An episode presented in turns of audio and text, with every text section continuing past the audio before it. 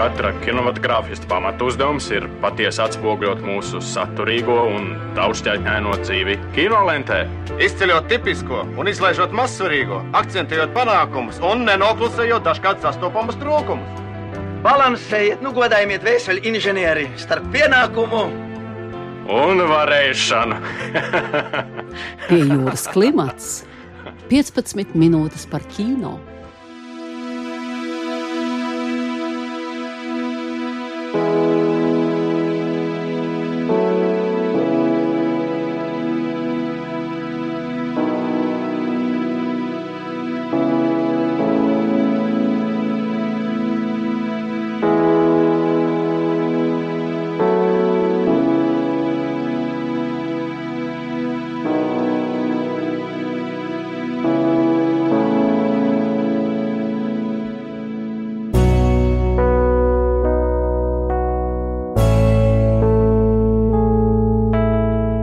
Sveicināti kino baudītāji!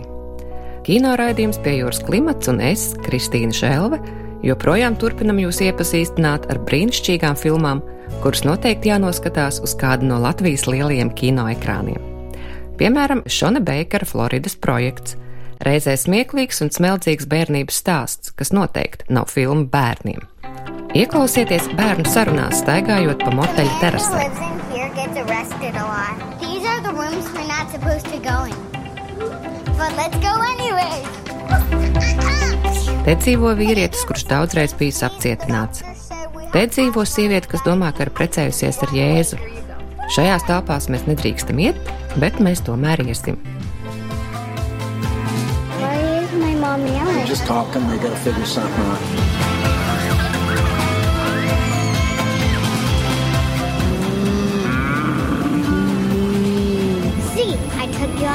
safari.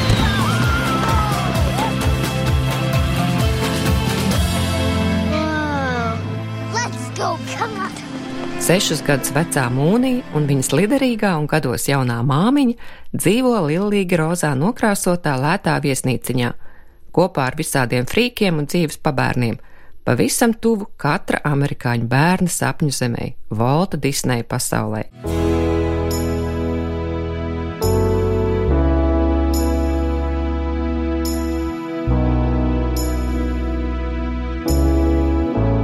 Moteļa bērnu dzīve varbūt nav salda no mūsu pareizo pieaugušo skata punkta, bet viņiem tā liekas gan priecīga, jo viņi ir bērni, viņiem pieder neierobežota brīvība un plašā bērnības pasaule, un pašiem savs sargeņģelis. Moteļa menedžeris Bobs, kuru atveido Vilems Defo, viņš par šo lomu saņēma arī Oskara nomināciju. Filmas režisors Šons Beikers nāk no amerikāņu neatkarīgā kino scēnas – Savas iepriekšējās filmas Tangerīna mandarīnas filmēšanai viņš, piemēram, izmantoja iPhone, un filma gūpa panākums Sandensā, amerikāņu neatkarīgā kino citadelē. Tangerīna ir viena diena, jeb Ziemassvētku vakars prostitūtas transseksuāļu dzīvē. Un, ja man tā būtu jāraksturo divos vārdos, es izmantotu tos pašus, ko raksturojot Floridas projektu - dzīvespriecīgi un smeldzīgi. Starp citu, tanģerīnas var noskatīties arī Latvijas Netflixā. Man patīk dažādām marginālām grupām piešķirt konkrētu cilvēku vaibstu, skaidro režisors Šons Beikers, un tas viņam sanāk sasodīti labi, organiski un bez moralizēšanas vai vērtējuma. Lūk, ko viņš stāsta par Floridas projekta tapšanu. So my inspiration behind this film. Uh, my co-screenwriter Chris Bragash brought this world to my attention. Kā man radās ideja filmai? To piespēlēja mans scenārija līdzautors Kristis Pergošs. Ģimenes, kuras ar bērniem dzīvo budžeta motelī, turpat blakus turistu galvaspilsētai Floridā, vietai, kas tiek uzskatīta par laimīgāko vietu zemes virsū, kur nonākt bērnam, Man likās interesanti šo tēmu attīstīt un izgaismot.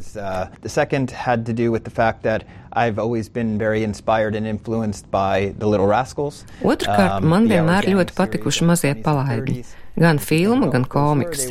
Tie ir stāstiņi par bērniem lielās depresijas gados. Šie bērni dzīvo lielā nabadzībā, bet viņos ir bērnības enerģija un līksme, un šie stāsti tiek pasniegti ar lielu humoru. We also, well, we went back, we watched many films, uh, many of the classic films about children made by the masters. You know, you have, uh, you know, Kess Mēs ar Krišu sapratām, ka varam uztaisīt mūsdienu mazos palaidņus. Iedvesmē skatījāmies arī daudz filmu par bērniem, par bērnību, Kena Lauča Kešs, Francoā Trifo 400 sitienus, klasiku, meistardarbus par bērnības tēmu kino. Šonam Beikeram patīk ne tikai stāstīt margināļu stāstus, viņu interesē brīvi eksperimenti ar dažādām tehnikām, Viņam patīk vienā aktieru ansamblī sajaukt zvaigznes, kā Vilēmu Defo, bērnus, kā sešgadnieci Bruklinu Princu, kuru nu jau dēvē arī par jauno Šerliju templu, debitantus, neprofesionāļus, kas uzrunāti uz ielas vai sociālajos tīklos, piemēram, mazās mūnītes bezrūpīgo māmiņu nospēlēja neprofesionāla aktrise. 1993. gadā Lietuvā dzimusī Brijā Vinaita, kuras bildes Šons Beikers pamanīja Instagramā un uzaicināja uz filmas provēm. Sākumā Brijā domājusi, ka tas ir ļauns joks, bet šobrīd jau gatavojas filmēties nākamajā projektā. Bet jūs lūdzu skatieties Floridas projektu, kamēr tas vēl ir uz mūsu ekrāniem. Tikmēr es jau sākšu stāstīt par nākamo filmu.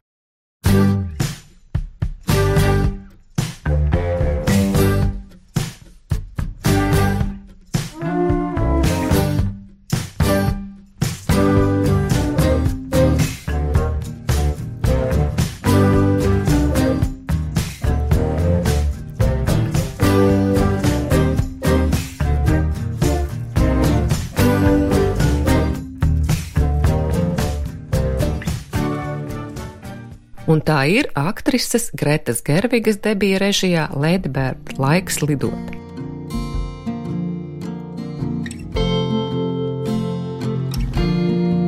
Gretu Gervigu es pirmoreiz ievēroju vēl vienā amerikāņu neatkarīgā kino režisora Noa Baumbacha filmā Francisa Hā kurai Greta Gerviga bija arī scenārija līdzautore, jau šajā stāstā iepinot arī autobiogrāfisks motīvus pasniegtus ar veselīgu pašaronijas devu. Kopš šīs filmas es Gretu Gervigu vienkārši nekritiski mīlu, piedodiet, lūdzu. Lēdibērta noskatījos pat divas reizes, un tam nav nekāda sakara ar filmas piecām Oskara nominācijām, no kurām gan neviena netika saņemta. Lēdibērta ir vēl autobiogrāfiskāks darbs Filmas darbība risinās Gretas dzimtajā pilsētā Sakramento, un galvenās varonas Kristīnes, kuras sevi pašrocīgi ir pārdēvējusi par leidībērdu, atveidotāja Šērša Ronana neapšaubām ir režisors Alter Ego. Man bija ļoti viegli identificēties ar šo dumpiniecisko tīni Kristīni, pagaidām neveiklu neveiksminieci, kas bruņojusies ar pārdrošiem sapņiem un apņēmību doties prom no provinciālās mazpilsētas uz turieni, kur ir kultūra. Ladybird ir godīga, pašironiska un neizskaistināta sievietes tēla reprezentācija uz ekrāna, kuru veidojusi sieviete. Paklausieties, ko Greta Gerviga atbild uz jautājumu, ko viņa iemācījusies filmēšanas laikā. What did you learn from directing your first film? Well, I learned that I could do it. I mean, I think I, I, I thought I could do it, but um, I think. Filmēšanas laikā es iemācījos saprast, ka es to varu darīt, ka es varu režisēt. Daļai var teikt, ka režiju es apguvu esot filmēšanas laukumā kā aktrise. Mācījos no dažādiem režisoriem, dažādiem operatoriem. Biju laimīga, ka viņi man palīdzēja saprast, kā viņi liek gaismas, kā mikrofons. I always hear about guys whose parents got them little Super 8 cameras and they started making films. And I, it not, I mean, I'm sure my parents would have gotten me them if I'd asked for it, but it wasn't something that you gave girls as much. Manā bērnībā vienmēr bija puiši, kuriem vecāki bija nopirkuši 8 mm kino kameru, lai viņi varētu filmēt filmas. Droši vien man arī tāda būtu, ja es to palūgtu vecākiem, bet kameras, ziniet, bija rotaļlieta puišiem, nevis meitenēm. Bet tas, ko es darīju, es iestudēju lūgas ar saviem draugiem.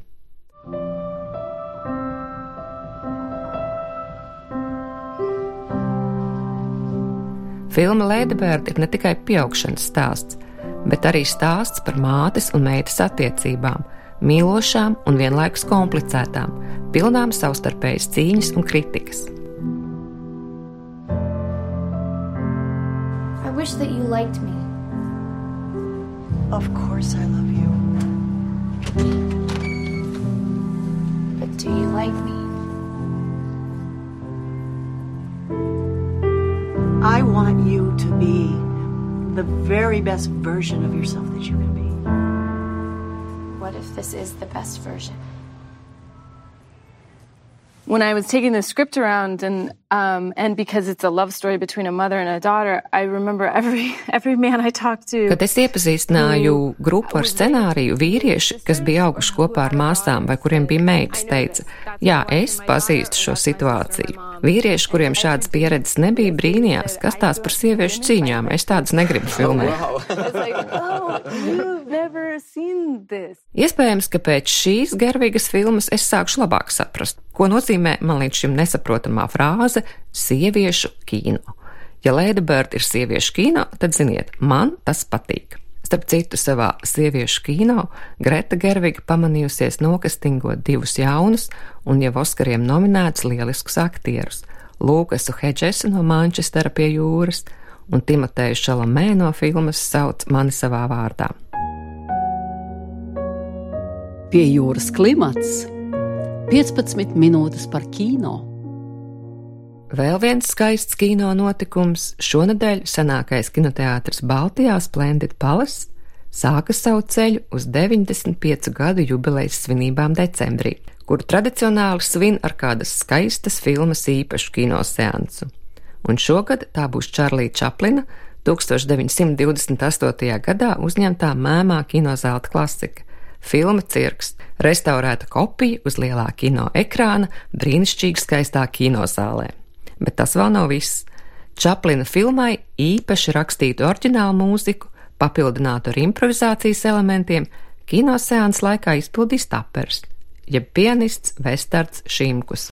Radīt mūziku Čārlīda Čaplina filmā ir liels izaicinājums, jo viņš pats šajā filmā jau savu mūziku radījis. Uh, viņš nebija apmierināts ar to mūziku, ko sākumā kāds cits komponists šajā filmā radīja. Beig beigās, 67. gadā, tikai uh, pats Čaplins uzņēmās šo lomu. Viņš patiešām bija talantīgs, ārkārtīgi ģeniāls, pat jāsaka, melodiju autors, kurš savām filmām radīja nu, neaizmirstams melodijas. Tāpat arī šai filmai, protams. Savā mūzikā es necitēšu neko no viņa radītās mūzikas. Tā būs eh, simtprocentīgi oriģināla mūzika, ko būšu radījis es pats. Gan komponējis, gan daļēji arī improvizēšu to uz uh, skatuves. Tad brīdī, kad es pats skatīšos šo filmu uz ekrāna, tas būs eh, liels. Pārdzīvojums priekš manis redzēt Čārlīda Čaplina filmu uz lielā ekrāna, ko es nekad nebūšu redzējis līdz tam. Vienmēr Čārlīda Čaplina filmas ir redzētas tikai kaut kur datorā vai televizorā. Tad, nu, pati filma jāatzīst, ka ir tik muzikāla. Jo Čārlis Čaplins bija mūziķis, talantīgs mūziķis. Viņš arī šīs ainas kino skatoties. Pat šo filmu bez mūzikas es dzirdu mūziku, kas momentāli rodas manā galvā. Jo, eh, jo gluži vienkārši kaut kāds ritms tajā visā, ko mēs redzam, ir tik muzikāls, ka atliek tikai piemeklēt pareizās notis. Mm, šo filmu es eh, noskatījos speciāli gan uh, pilnā versijā ar mūziku, gan nogriezu skaņu noskatījos pēc tam to arī bez mūzikas. Un sapratu, ka daudz ko es darītu droši vien nedaudz savādāk. Jo, protams, nu, manā galvā rodas kaut kādas konkrētas muzikālas idejas, kas piemīt varbūt tikai man skatoties šo filmu. Es domāju, tas arī ir tieši pats interesantākais, ka skatītājiem būs iespēja dzirdēt ko es savā galvā dzirdu, kad es skatos šo filmu bez mūzikas. Taču līdz decembrim, kad notiks Čaplina filmas īpašais seans ar Vestardu Šimkus mūziku, vēl laika gan, tāpat kā labu filmu, kuras skatīties un baudīt. To arī turpināsim darīt gan kinozālēs, gan pie jūras klimatā. To šodien veidoja Kristīna Žēlve, producēja Inga Saksona un Agnese Zeltiņa, kā vienmēr atbalstīja Kultūra Kapitāla fonds. Música